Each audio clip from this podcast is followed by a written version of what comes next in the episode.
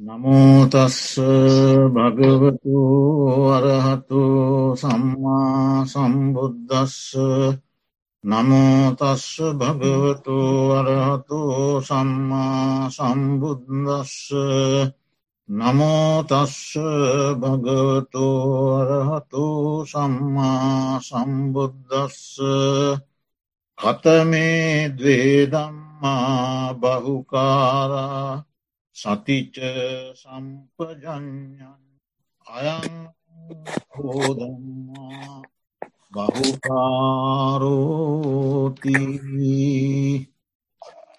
ශ්‍රද්ධාවන්ත පින්වතුනි අපි දසුත්තර සූත්‍ර දේශනාවෙහි ප්‍රථම කොටසි මාතෘකා හයක් යටතේ ධර්ම සාකච්ඡා කළා. ධර්ම දේශනා පැවැත්තුවා. ඒ කොටසේ තවත් කරුණු හතරක් ඉතිරිව තිබෙනවා. ඒ ඉතිරි කරුණු හතරෙන් දෙකක් ඉතා ගැඹුරු අරිහත්වය හා සම්බන්ධ කාරණ. ඒවා මතු දේශනාවලදී බොහෝ විට නැවත වතාවක් සාකච්ඡාවට ගැනෙන්නට පුළුවන්. එහි තිබෙන ගැඹුරු බවත් ඉදිරියේ කතා කරන්නට හැකියාව තිබෙන නිසාත් අපි එයින් අද මේ දෙවනි කොට්ටාශයට අපේ ධර්ම දේශනාව ගෙනේනු ලැබුව. එක යන්නේ කොටස් දෙකේ කරුණු. එතනදී සාරිපුත්ත මහරහතන් වහන්සේ දේශනා කරනවා කතමේ දේ දම්මා බහුකාර මේ මිනිස් ප්‍රජාවට දෙවියන් සහිත මිනිසුන්ට බොහෝ උපකාරවන ධර්ම දෙකක් තිබෙනවා. ඒ ධර්ම දෙක කවරේද? මොනවාදේ ධර්ම දෙක? සතියත් සම්පජඥයක් යන කරුණු දෙක බොහෝ උපකාර ධර්මයෝය කියලා දේශනා කළා. මේ සතිය සහ සම්පජඥය කියන කරුණු දෙක එකට එකතු කරලා. සති සම්පජඥ යනුවෙන් සූත්‍රපිටකයේ බොහෝ දේශනා හමුවෙන අතර සති සම්පජඥ යනු කවරේද.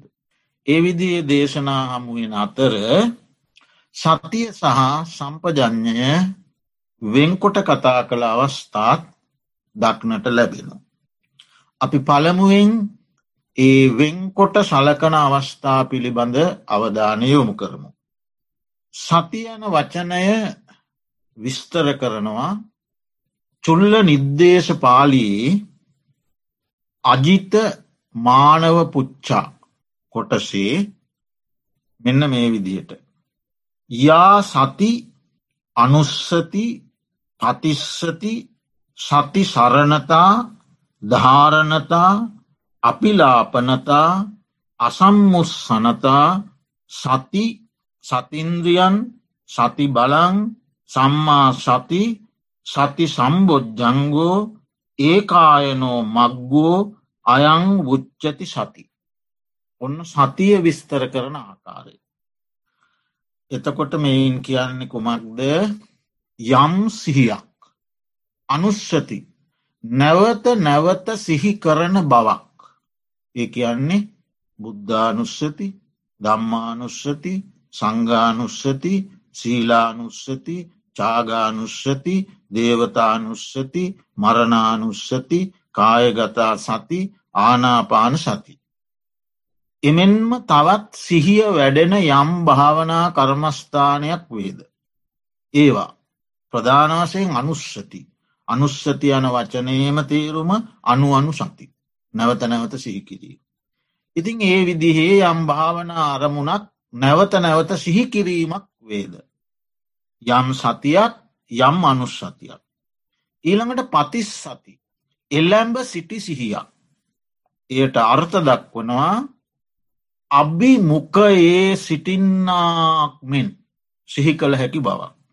අභිමුකයි තමන්ගේ මුහුණ ඉදිරිපිට සිටින දෙයක් රිජ්ජුව පැහැදිලිව දකිින්ට ලැබෙනවා.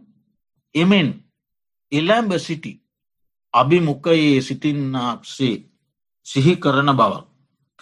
සති සරණතා සිහි කරන ස්වභාවයක් සිහි කරන බවක් ස්වභාවයක්. ධාරණතා ඒ භාවනාවට ගන්න අරමුණ මනාකොට දරාගන්නා ලද බවක්. අරමුණ නිස්සි පරිදි දරාගෙන තියෙන. අපි දරනවා කියන වචන එන්නේ කටපාඩම් කරනකොට ධාරණය කරනවා කියන. මතක හිටිනවා. කටපාඩම් කරනවා. හොඳට එයාට දරාගණ්ඩ පුළුවන් කියලා අපි වචනය නිතර පාවිච්චි කරන. යම් දෙයක් පිළිබඳව යම් යම් ලෞකික ලෝකයේ දේවල් පිළිබඳව. එමින් මෙතන කියන්නේ අරමුණ මනාව තැන්පත් කරගත්ත බවක් ධාරණය කරගත්ත බවක්. අපිලාපනතා පා නොවන බවක්. ඒ ඇන අරමුණට මනාව කිඳා බැහැලා. අපි පාවෙනවා කියන වචන පාවිච්චි කරන්නේ ජලය මතුපිට පාවෙනවා. එහෙම පා නොවන බවක්. එක අරමුණට මනාව බැහැගත්ත බවක් කියන එකයි අර්ථය. දරාගත්ත බවක් බැසගත්ත බවක්. අසම් උත්සනතා අරමුණෙහි මුලානෝන බවක්. මුලාවුනාම වැරදිවන පේෙන් එයා මුලා වෙලා ඉන්නේ. අපි එහෙම කියන්නේ. වරදවා වටහා ගත්තටමනි. වරදවා වටහා ගත්තහම කියනවා මුලා වුණ.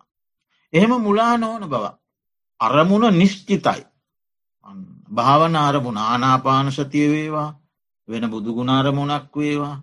කුමන අරමුණක සිත පැවැත්තුවත් එය තමාගේ අභිමුකයේ තිබෙන්නාක් මෙන් මනාකොට දරාගෙන මනාකොට අරමුණට බැසගෙන අරමුණෙහි මුලා නොවන ස්වභාවේ සිහියක්.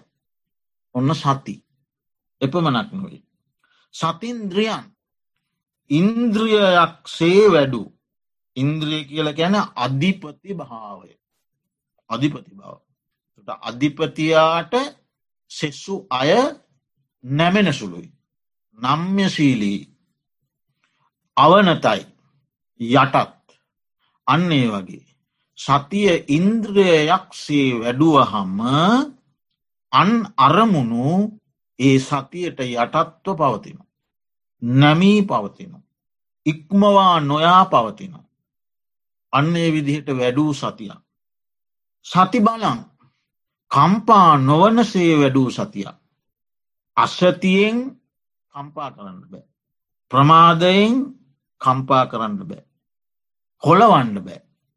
ඒ නොසෙල් වෙනසේ බලවත්ව දියුණු කරගත්ත සිහියක් සති බලං සති සම්බෝජ්ජංගෝ සසරින් නික්ම යන්නේ යන අර්ථය සසරින් නික්ම යන්නේ නික්ම යන්නට උපකාරවන්නේ තවත් විදිහකින් කිව්වොත් චතුරාර්ය සත්‍ය ධර්මයන් අවබෝධ කර ගැනීමට තරම් සමත් වන සිහියක් එහෙම කිව්වත් හරි ඒ සති සම්බෝජ්ජංගු. සම්මා සති තව වචනය. සම්මා සති සම්මා සති විස්තර කරන තැන බොහෝ සූත්‍ර දේශනාවල පැහැදිලි කරන්නේ කායි කායානු පස්සී විහරතියාතාපි සම්පජානු සතිමා විනය ලෝකයේ අභිජ්ජාදෝමනස්සං යනාදී සතර සතිපට්ටානයන් කෙරෙහි පවත්නා වූසිහිය. එතකොට ඒ සතිපට්ටාන ධර්මයන්ගින් වෙන් නොවී කාය වේදනා චිත්ත දම්ම. ඒවායෙහි දියුණු කළ වෙන්නවුන පවත්න සිහිය සම්මා සති. ඒ කායනෝ මක්ගෝ ඒ ඒකායනෝ මක්ගෝ කියලත් දේශනා කළේ සතර සතිපට්ටහානයටමයි. සම්මා සති ඒකායන මාර්ග. කුමකටද මේ ඒකායන මාර්ගය වනුයේ කුමක් සඳහාද මාර්ග වනුයේ සත්තානං විසුද්ධිය සත්වයන්ගේ පිරිසිදු බව පිණිස. ඇඟ අතපය ශරීරයේ පිරිසිදු කිරීම නොවේ. සත්වයන්ගේ චිත්ත පාරිශුද්ධිය පිණිස. ඇයිසිත පිරිසිදු කරන්නේ සිත කෙලෙසෙන නිසා. කෙලෙසෙන්නේ නැත්නම් පිරිසිදු කරන්නටුවමනන්නේ. කුමකින්ද සිත කෙලෙසෙන්නේ ලෝබ දවේශ මෝහ මාන දික්ටි විචිකිච්චා තියන උද්දච්චා අහිරික අනොත්තප්පාදී ක්ලේෂ ධර්මයන්ගේ. අන්නේ අපිරිසිදු වෙන සිත පිරිසිදු කිරීම සඳහා.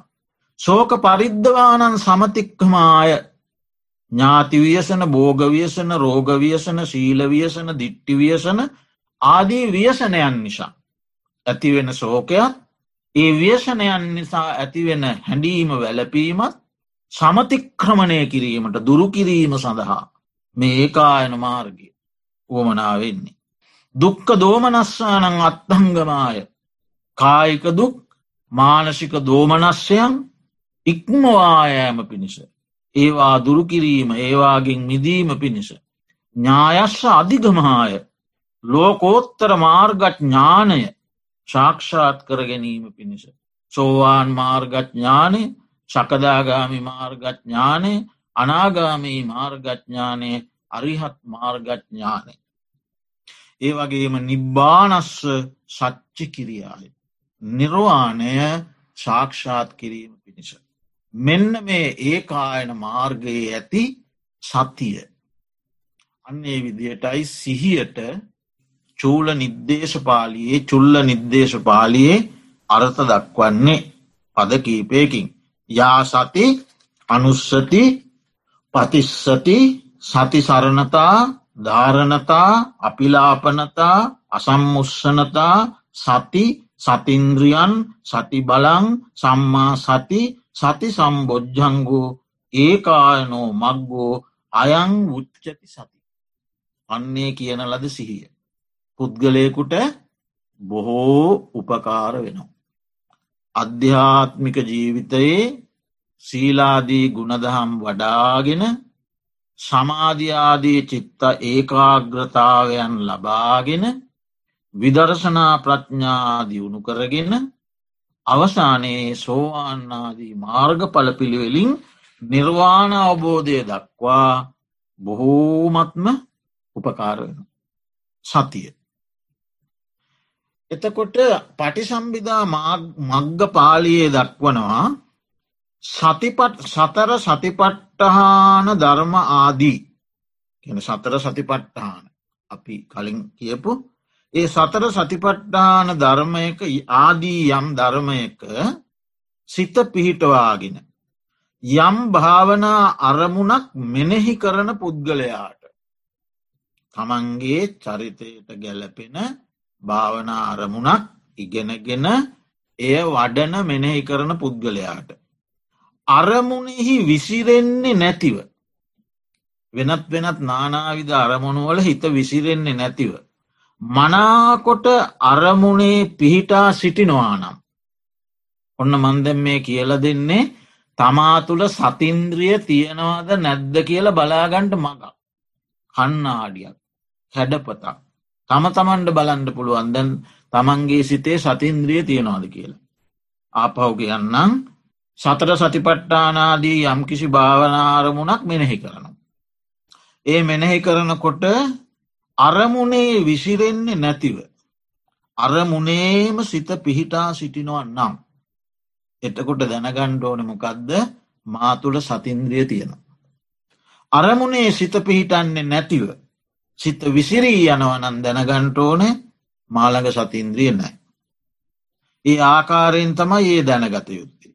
එතකොට සති සම්බොජ්ජංගය චතුරාර්ය සත්‍ය අවබෝධය කරා පැමිණවීමට තරම් ශක්තිමත් වූ. යම් සමත විපස්සනා භාවනාවක් වඩනවනම්. සමත භාවනාවක් වේවා විපස්සනා භාවනාවක් වේවා. ඒ වඩන විට සිත නොයෙක් නොයෙක් අරමුණු කරා නොගොස්. භාවනා ආරම්මණය කරාම පමුණුවනවන.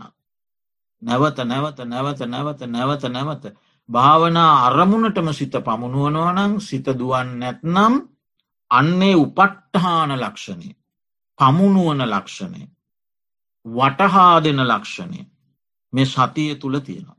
එළඹ සිටීම වැටහීම එහි ලක්ෂණය.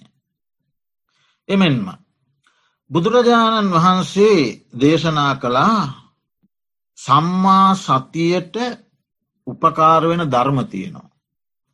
ඒ උපකාරවන ධර්මතාවයන් යෝනිසෝ මනසිකාරයෙන් බැලීමෙන්. සති සම්බෝජ්ජංගයට උපකාරක ධර්ම එක පාලියෙන් කියනවා සති සම්බොජ්ජංගට්ඨානයා දම්ම. තත්ත යෝනිසෝ මනසිකාර බහුලීකාරු. එතැදි බුදුරජාණන් වහන්සේ බොහොම සරල උදාහරණයක් ගෙන කර දක්වනවා මේ ශරීරය ආහාරය නිසා පවත්වන්නේ යම්සේද. ආහාරනොගත්තොත් පවතින්නේ. පවතින්නේ යම්සේද. ආහාර නොගැනීම නිසා නොපවතින්නේද. එමෙන් මේ බොජ්ජංග ධර්ම ආහාරෝලින් පවතින්නේ.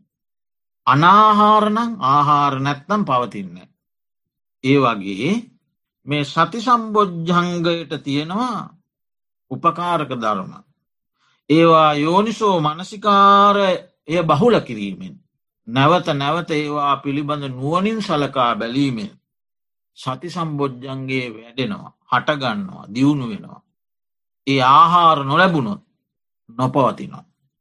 එතකොට අට්ටකතාචාරීන් වහන්සේලා සති සම්බොජ්ජංගයට උපකාරක ධර්ම හතරක් දක්වනවා. සිහිනුවනින් යුක්ත කෙනෙක්වීම. සිහිනුවන තියෙන්ට ඕනේ.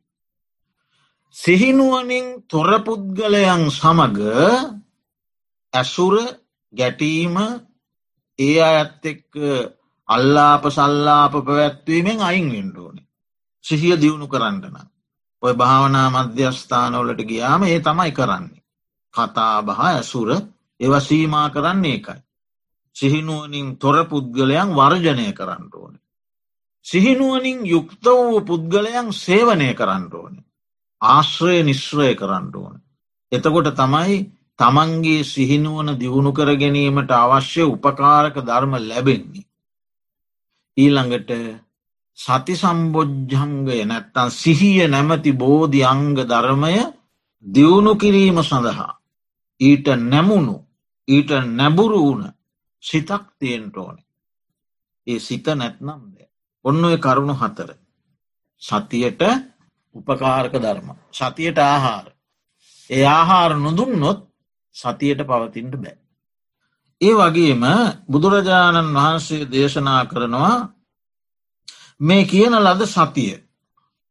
චක්‍රවර්තී රජ කෙනෙකුගේ දොරටු පාලය වගේ. ඒ දොරටු පාලයා අහිතදේ අහිත පුද්ගලයෝ බැහැර කරනවා. හිත පුද්ගලයෝ සමීප කරනවා.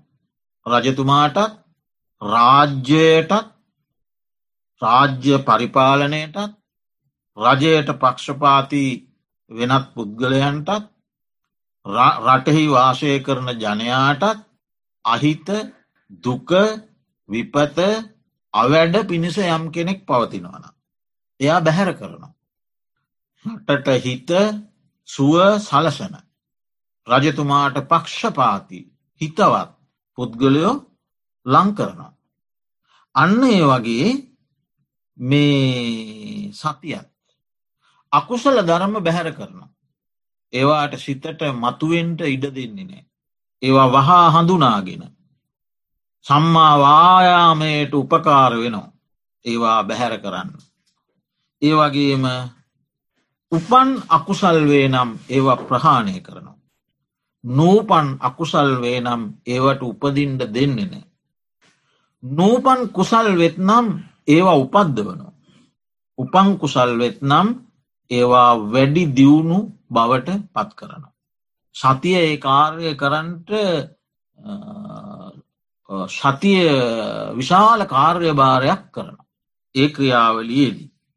තවත් අදහසක් තියෙනවා මුට්ටස්සති පුද්ගලයෝ.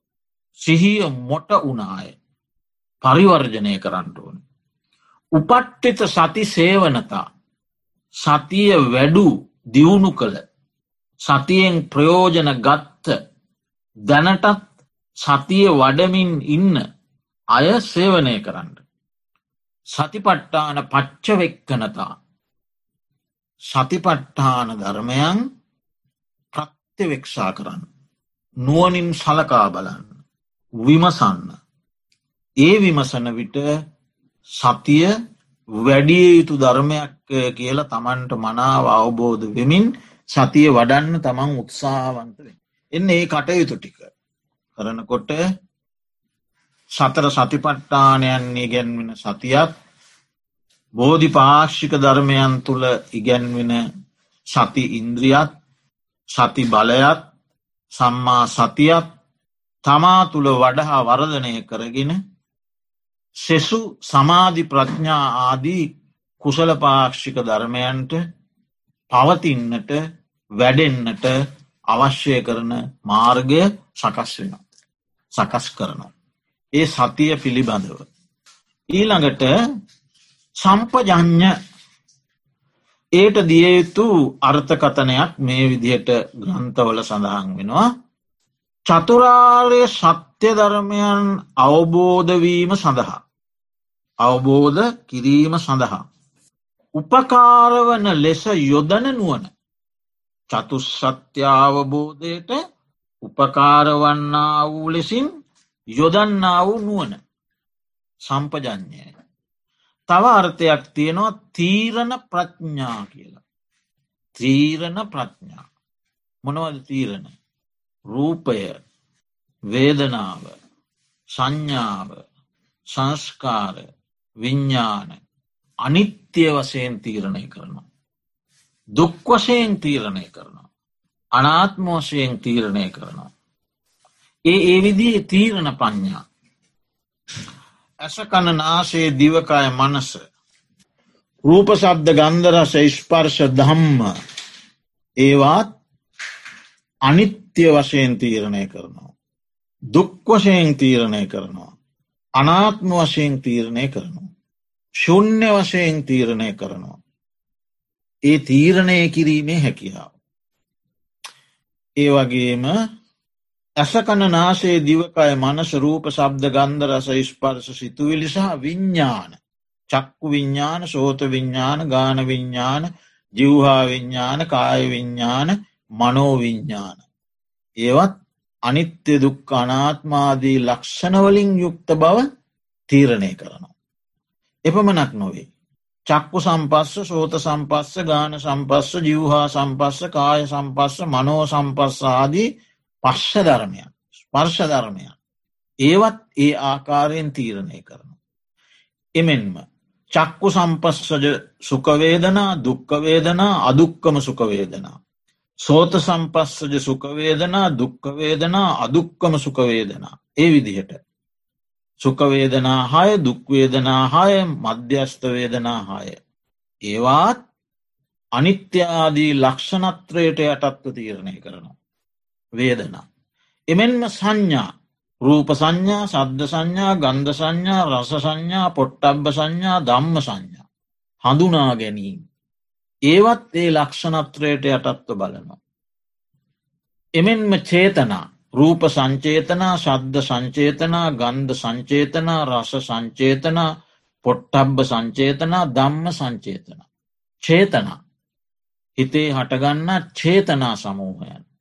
ඒවාත් අර ලක්ෂණත්‍රයට ඇත්ව අනිත්‍ය දුක්ක අනාත්මාදී වශයෙන් ශුන්්‍යාදී වශයෙන් තීරණය කරනු. අන්නේ තීරණ කිරීමේ තීරණ ප්‍රඥාව සම්පජඥ. ඒ සම්පජඥයක් නූපන් නකුසල් නූපදීම පිණිසත්. උපන් නකුසල් ප්‍රාණයවීම පිණිසත්. නූපන් කුසල් ඉපදීම පිණිසත් උපන් කුසල් වැඩිදියුණුවීම පිණිසත් හේතු වෙන. මහතෝ අත්තාය සංවත්තති. මහත් වූ අර්ථය පිණිස හේතුවෙනවා.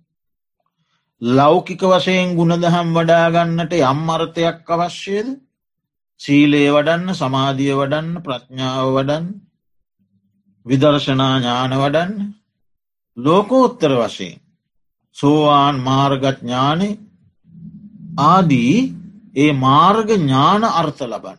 ලෞකිකාර්ථ ලෝකෝර්තර අර්ථ. මේ සියල්ල පිණිස සම්පජඥය උපකාර වෙනවා. සද්ධර්මයේ මුලා නොවීම පිණිස උපකාර වෙනවා. ඒ නිසා මේ සම්පජඥය යනු විමසන නුවනක් ලෙසත් ධර්මයේ අට්ට කතාචාරීන් වහන්සේලා දක්වලා තියෙනවා විමර්ශනය කරන නුවන. එතකොට මේ ඒ සම්පජඥයෙන් ඒ විමර්ශන ශීලී නුවනින් ඒ තීරණ ප්‍රඥාවෙන් තවදුරටත් මේ නාමයය මේ රූපය කියලා නාමරූප වෙන් කරලා දකින්න පුළුවන්කම ලැබෙනවා. මේ නාමයන්ගේ පෞද්ගලික ලක්ෂණය මේ පොදු ලක්ෂණය මේ රූපයන්ගේ පෞද්ගලික ලක්ෂණය පොදු ලක්ෂණය කියල මේ නාමරූප ධර්මයන්ගේ පෞද්ගලික හා පොදු ලක්ෂණ වෙංවෙන් කොට බලන්නත් මේ තීරණ ප්‍රඥාව උපකාර වෙනවා. මේ සියලූම නාමරූප ධර්මයන්ට කාමරූප අරූප කියන ත්‍රයි භූමික වූ යම් සංස්කාර ධර්මයක් වෙද්ද ඒ හැම දේකටම සාධාරණ ලක්ෂණ තියෙනවා. ඒ තමා අනිත්‍ය දුක්කානාත්ම ලක්ෂණ. ඒව දකින්න. එසේ දකිමින් චතුරාර්ය ශත්‍යාවබෝධය කරා යොමු කරන්නට යොමු වෙන්නට ඊට හේතුවෙන ආකාරයෙන් මේ ප්‍රඥාව උපකාර වෙනවා.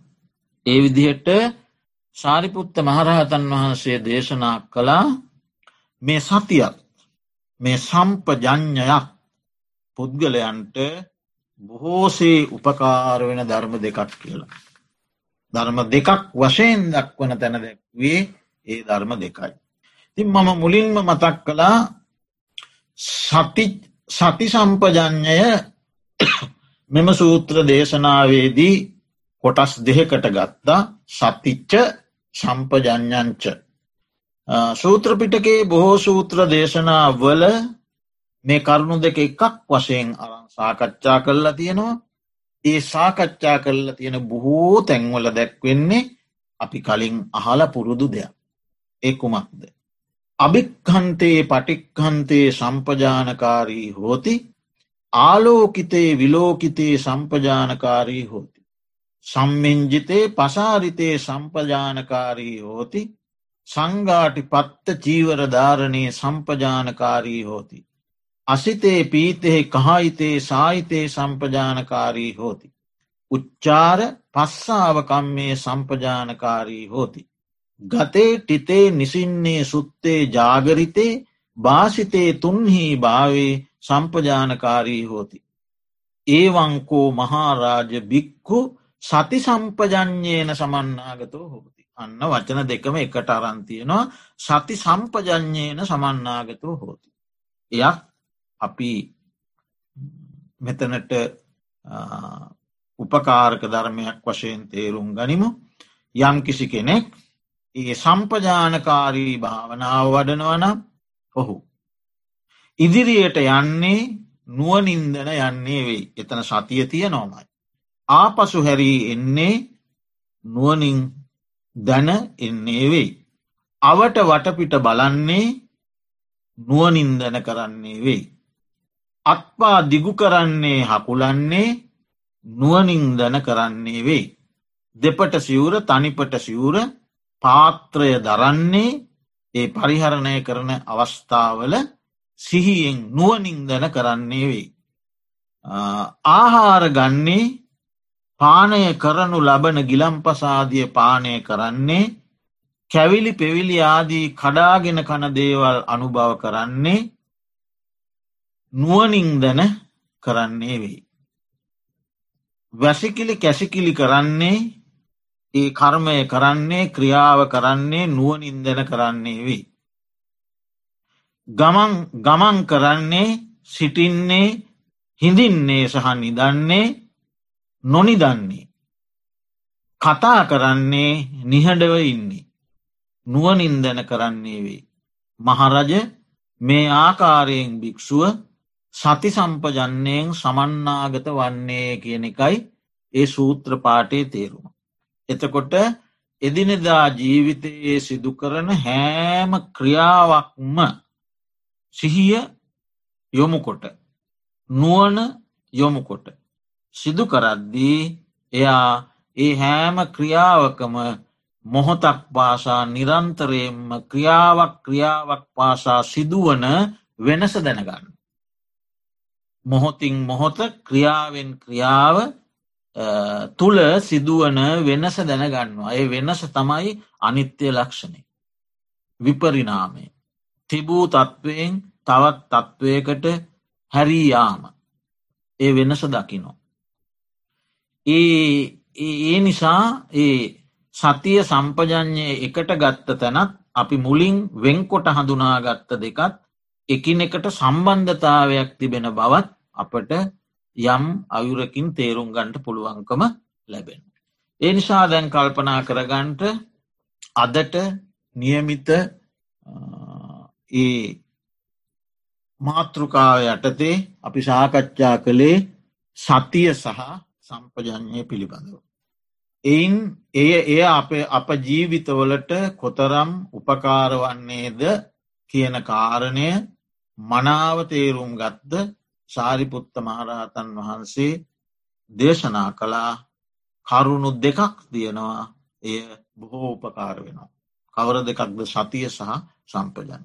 තින් අපිටත් අපේ ජීවිතයේ සති සම්පජන්නාදී ධර්මයන් දියුණු කරගෙන ඒවා වඩහා වර්ධනය කරගෙන ලෞකික වශයෙන් ලැබිය හැකි සීල සමාධී ප්‍රඥා ආදී ගුණදහමුත් දියුණු කරගෙන විදර්ශනාඥානත් දියුණු කරගෙන ලෝකෝත්තර වශයෙන් සෝවාන් සකදාගාමය අනාගාමී අරිහත් මාර්ගඵල පිළිවෙලින් අමාමා නිර්වාණ සුවය සාක්ෂාත් කර ගැනීම සඳහා මේ කුසල ධර්මයන් අපට එකසේම හේතුවාසනාවත්වා අප නමින් පරලෝසපත් ඥාතීන්ටත් දෙවියන් සහිත ලෝකවාසී සියලු සත්වයන්ටත් මේ පින් අනුමෝදන් කරනු අනුමෝදන් වෙත්වා ඔවුනගේද ආයිති භවයන් සුවපත් කරගෙන පාර්ථනීය බෝධියකින් අමානිවනින් සනසුම් පිණිස හේතුවාසනාවිත්වා කියල පින් අනුමෝදන් කරමු.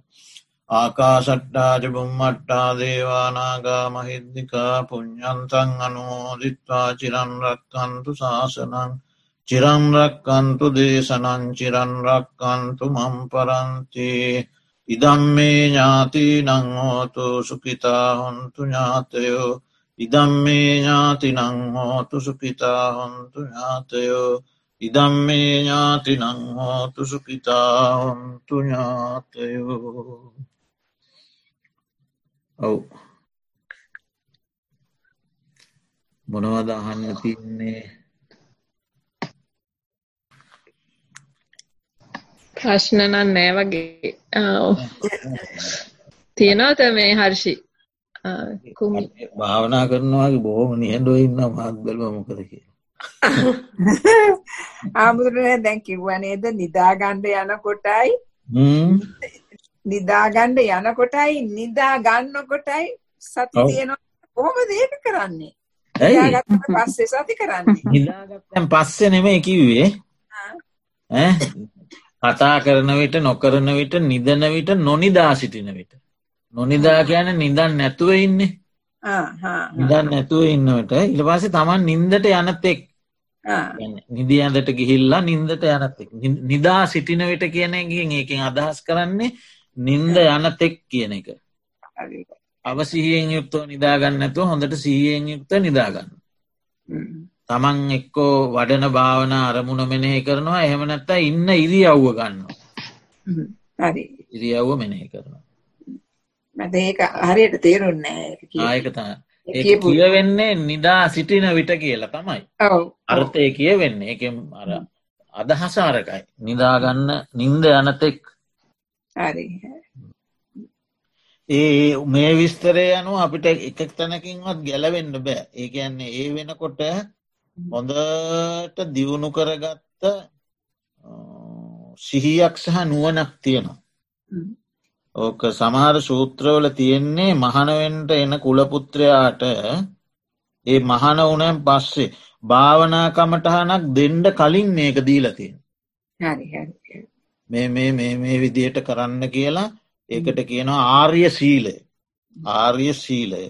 ඊළඟට ආර්ය ආර්ය ශීලය ආර්ය ඉන්ද්‍රිය සංවලය භාවනාවට කලින් මේ වදීලතින් ආර්ය ශීලය ආර්ය ඉන්ද්‍රිය සංවලය ඊට පස්සේ ආර්ය ලදදයින් සතුටුවීම ලැබෙන ආහාරයකින් සතුටු එන්ඩ ගැන්නවා. ලැබුණු සිවරකින් සතුටුවෙන්ඩි ගැන්නවා. ඇව හොය හො ඇන්ඩ බෑ. එතකොට ලැබුණු බෙහෙතකින් ලැබුණු කුටියකින් මොකක්ද තමන්ට ලැබෙන කුටිය ඒකෙන් සන්තෝෂ වෙනවා. ඒකට ගෙන යතාලාභ සන්තෝෂ. එතකොට දැන් කීයක් ඉගෙන ගත්තද තුනයි. සීලය ඉන්ද්‍රිය සංවරය යථලාභ සන්තෝෂය. ඊළඟට මේ කිව්ව සම්පජානකාරී බව. ගතේටතේ සින්නේ සම්පජානකාරී හෝති ඒවා. හරි ඒකින් ඒකට කියන්නේ ආර්ය සති සම්පජන්නේ කියලා. ඒ හතර පුරුදුනාට පස්සේ බුදුහාන්දුරෝ කියන මහන ඒනම් දැන් අන්න ආරණ්‍ය තියෙනවා වනසෙනසුන් තියෙනවා ජනසුන්්‍ය තැන් තියෙනවා ඒ වගේ තැනකට ගිහිල්ලා පලක් බැඳගෙන පරියංක පරියංකේ වාඩි වෙලා කමටහනට සිහිය යොමකොට භාවනා වඩන්න කියන.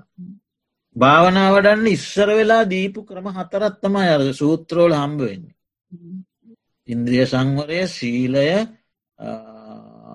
යථලාභ සන්තෝසය ආර්ය සති සම්පජ. ඊට පස්ස ගිහිල්ලා භාවනා වැඩුවෙන් පස්සේ ඉතින් ඊළඟට මේ විදර්ශනා ඥාන ඊළඟට මනෝමේ ඉද්ද ඉද්දිවිද ජිබ්බසෝත ඒවා. එවන් පස නිවා නිර්වාණි එහෙම තමයි තියෙන්න සූත්‍රවලන මේ හාමුදුරනේ රෑට නිදා ගණ්ඩ බැරි වුණාම ඇඳේ ඉන්නකොට ඉරියා අරියාපත භාවනාව කරන්න පුළුවන් නේද?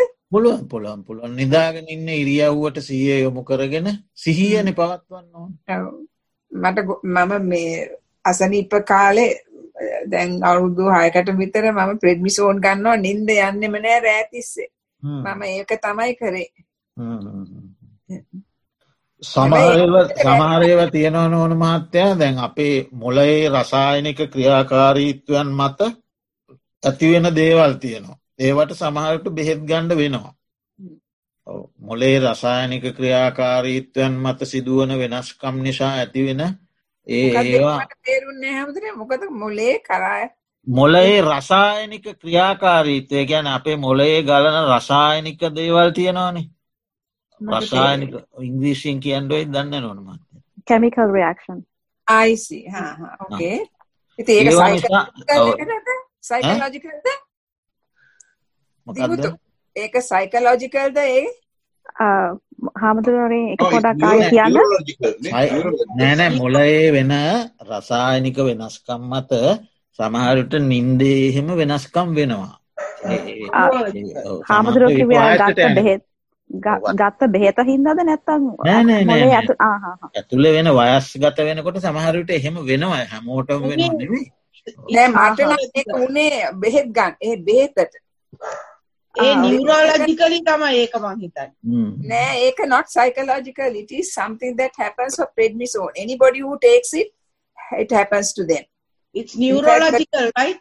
no. It's physically. I think it's a physically. It's a chemical. It is a chemical reaction of the whatever the medicine that you're taking yeah yeah yeah it's a chemical thing you can't sleep the doctors tell you not to take it uh, during the night time because it will not, not help you to sleep. So උදේට ගන්න ඒ වුණත් ඒ ඒ තරමට ඒක බලපානවා රැට.